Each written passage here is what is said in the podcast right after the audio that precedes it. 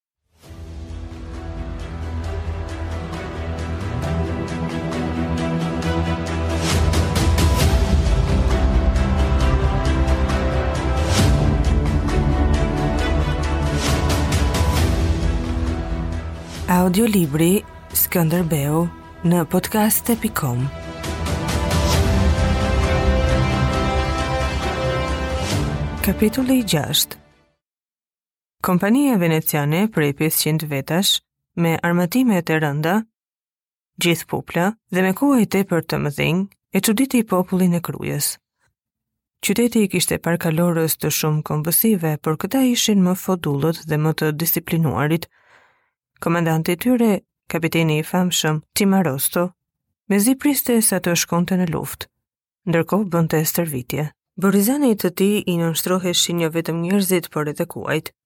Skënderbeu qëndronte tërë pranverën e vitit 1464, brenda kufijve të tij dhe bëri vetëm dy sulme çetash kundër një kalaje të vogël, duke vënë në punë edhe kompaninë veneciane. Pastaj e çoi kompaninë në Ohër Dibër, Në maj, kjo kompani kishte dezertuar përgjysmë. Skënderbeu thirri Çimaroston, kapiteni po humbiste rëndësinë dhe forcën, nuk dinte të ecte, të hante e të flinte, dhe i dukej se gjendej gjithnjë në një pozicion të pjerrët, gati për t'u rrokullisur. Kur e thirri Skënderbeu, kapiteni kërkonte me dëshpërim, fjalët që do ta shpëtonin nga ankthi dhe mundimi. Kalorësit e tu po dezertojnë në grupe, nuk dihet ç'mund t'u ngjasë atyre që këtej e në Durrës, me sa duket këta ushtarë nuk shërbejnë dot në Arbëri, tha Skënderbeu. Kapiteni shkonte sa nga njëra anë në tjetrën dhe përgjigja i ndriti befas në mendje. Madhëria juaj nuk duhet të priste ndonjë gjë më tepër nga aleanca e peshkaqenit me luanin. Malet e ashpra nuk janë elementi ynë. Republika qëndron në det, tha ai. Kapiteni u kujtua se këtë mendim e kishte dëgjuar diku, por kjo nuk kishte rëndësi.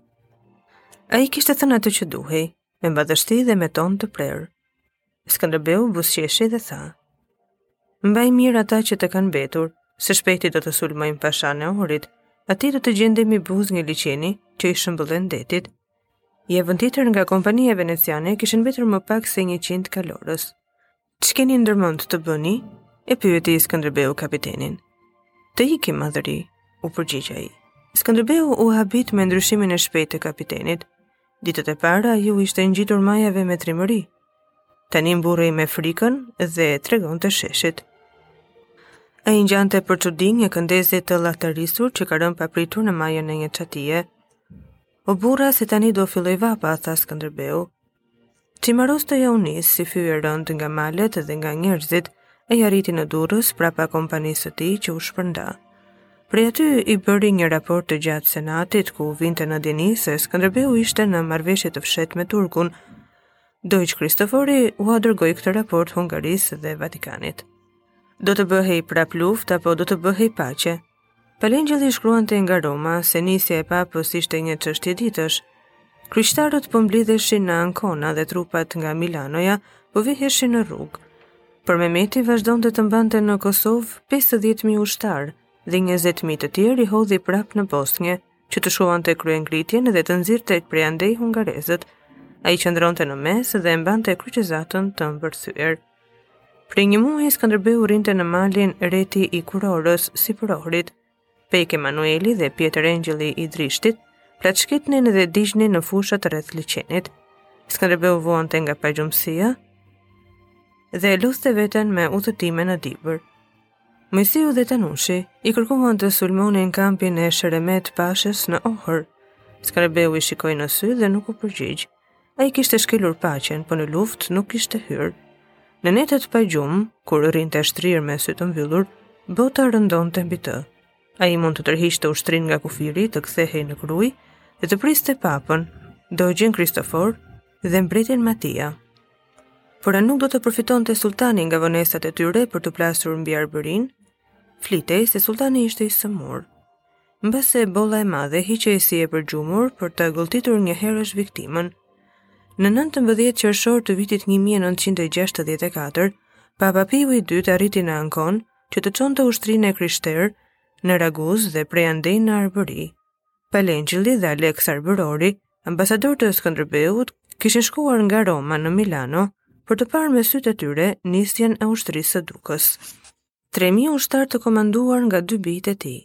Pal Engjëlli shkruante se ishin nisur 500 kalorës të pararojës. Peshkopi mezi e përmbante gëzimin në letrën e tij. Kryqëzata kishte nisur marshimin, kur të shpallej mbret Skënderbeu, Pal Engjëlli do të bëhej kardinali i Arbërisë.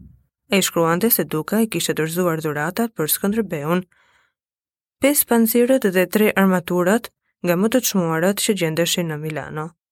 Duka lutej që të lirohej barka e mikut dhe shtetasit të tij, Bartolomeo, e ngarkuar me mish derri të kripur e sekuestruar nga Balsha, nipi i Skënderbeut.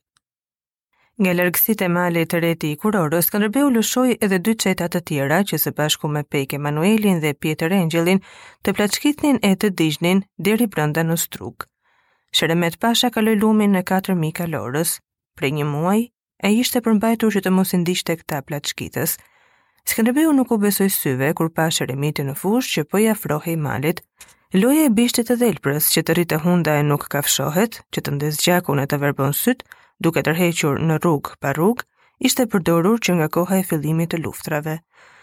Sheremiti e dinte lojën dhe i trembej Skënderbeut, prandaj mori prapa edhe këmbësorinë prej 8.000 vetash që të mbrohej po të binte në pritë. Sheremeti po vinte rrëzë malit dhe kjo ishte më tepër nga sa mund të dëshironte Skënderbeu. Ai do ta priste kryqëzatën me një fitore. Moisiu dhe Tanushi dolën njëherësh nga pritat dhe i ranë në të dyja krahët kalorësisë së Sheremetit. Skënderbeu me gardën zbriti ballas. Atë ditë ndodhi në krahët e tij Vladan Gjurica. Për drekë do të hamë koranin me famë të këtij liqeni, jemi në kreshmë, tha Vladani.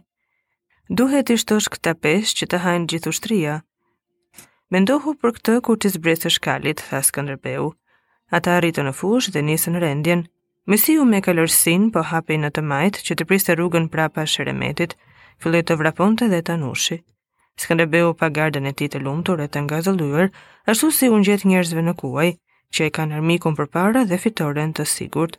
Skënderbeu kishte nisur luftën. Shumë shpejt do të shihte se u nxitua me të tepërt.